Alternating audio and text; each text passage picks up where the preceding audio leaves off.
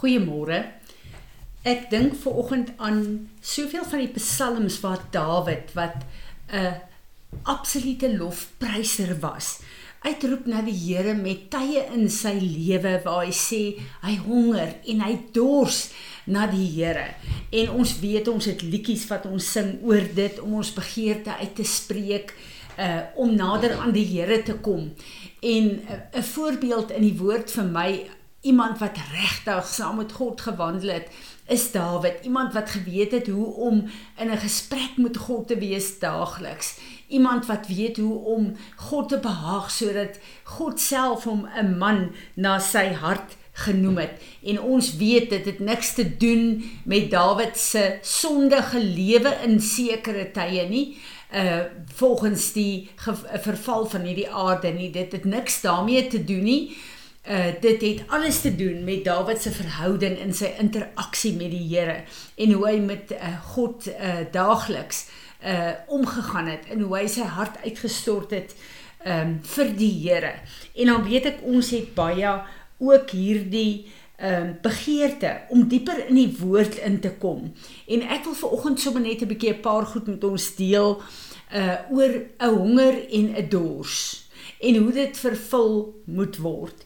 Uh dis interessant dat ons weet dat die woord die water is. As ons kyk na Efesiërs uh 5 vers uh, 26 waar Jesus die bruid was met die water van die woord. Ons weet dat die woord ons reinig, uh ons skoon was, ons uh wanneer ons repent gebruik ons die woord van God wat ook ons swaard is. En uh dan besef ons dat die woord bly een van die belangrikste uh dele van ons geestelike lewe. En ek dink toe sommer net 'n bietjie aan aan die woord wat die water is in die fisiese in ons liggame. Is dit interessant om te sien hoe belangrik water vir ons is en ek het sommer net 'n bietjie gaan kyk op 'n 'n webwerf wat wat uh niks geestelik is nie wat eintlik 'n mediese plek is en ek het 'n paar interessante dinge daar gesien. Nou wil ek hê julle moet dit luister en weet ek praat oor die fisiese liggaam, maar daar's 'n parallel in die gees. In die gees maak uh, is die woord van God vir ons net so belangrik vir 'n gesonde liggaam en om reg te funksioneer op aarde. Hier sê hulle water doen uh, water in die mens se liggaam uh, dien uh verskeie doele. Nou weet ons dat 'n baba word gebore met 75% van sy liggaam bestaan uit water. 'n Volwasse man en vrou hierby 60-65% met verskillende faktore wat dit kan beïnvloed. En baie interessant as jy dors is, dan het jou liggaam 1 tot 2.5% van sy natuurlike water verloor, dan kry ons al dors om dit terug te uh, om te drink om dit terug te uh, uh, vervang in ons liggame. Dit wys net hoe uh absoluut noodsaaklik water vir ons is. Water is die primêre bousteen van die selle. Dit dien as 'n isolator wat die in, interne liggaamstemperatuur reguleer. Dit is deels omdat water 'n hoë spesifieke hitte het. Uh plus die liggaam gebruik sweet en respirasie om temperatuur te reguleer. Dit is my baie interessant. Water is nodig om proteïene en koolhidrate wat as voedsel gebruik word te metaboliseer. Dit is die primêre komponent van speeksel wat gebruik word om koolhidrate te verteer en om voedsel te sluk. Die verbinding smeer gewrigte. Water isoleer die brein, die rugmurg, die organe en fetus. Dit dien as 'n skokbreker. Water word gebruik om afvalstowwe uit die liggaam deur urine te spoel. Baie baie interessant. Water is die hoofoplosmiddel van in die liggaam. Dit ontbind minerale, oplosbare vitamiene en sekere voedingsstowwe. Water dra suurstof en voedingsstowwe na die selle. As dit die funksie van water in ons natuurlike liggaam is, hoe absoluut noodsaaklik is die water van die woord nie vir ons om ons skoon te hou, om ons uh, in God se vrede te hou, om te sorg dat die woord die vitamiene is uh, wat wat vir ons gaan uh, uh, geestelik gesond hou. Uh dis vir my absoluut net wonderlik om te sien hoe die die woord al die negatiewe toksiese goed uit ons uit moet kry.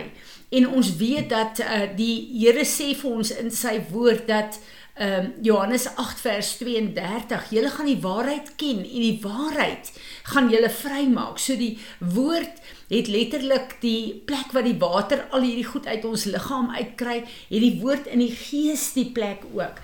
Nou baie keer het ons 'n gebed wat ons sê Here, ek bid dat U my honger en dors sal maak na U, na U teenwoordigheid en na U woord. Hierdie is heeltemal 'n verkeerde ding en ons moet ophou om dit te vra.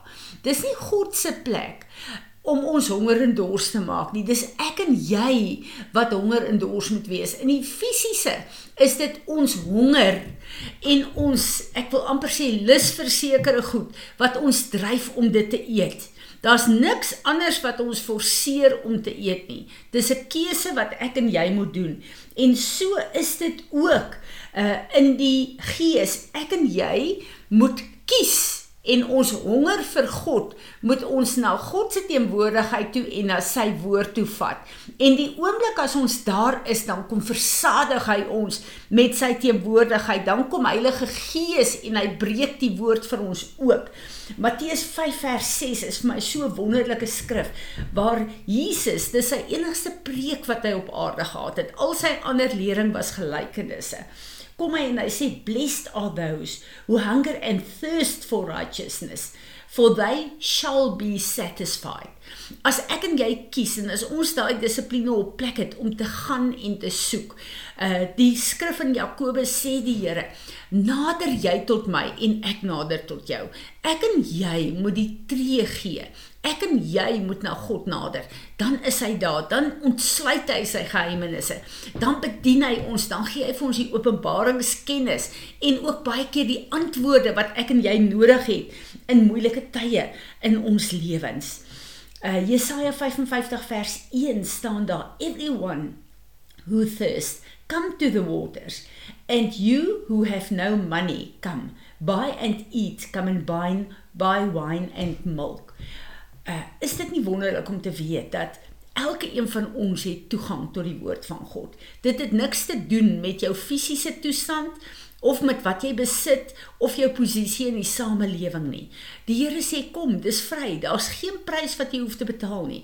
Jy moet net kom, maar ek en jy moet daai tree gee, soos wat Jakobus sê, nader tot God en hy gaan tot jou nader.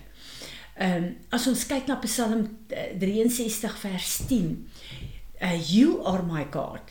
With deepest longing I will seek you for my soul, my life, my very self thirsts for you. My flesh longs and sigh for you in a dry and weary land where there is no water.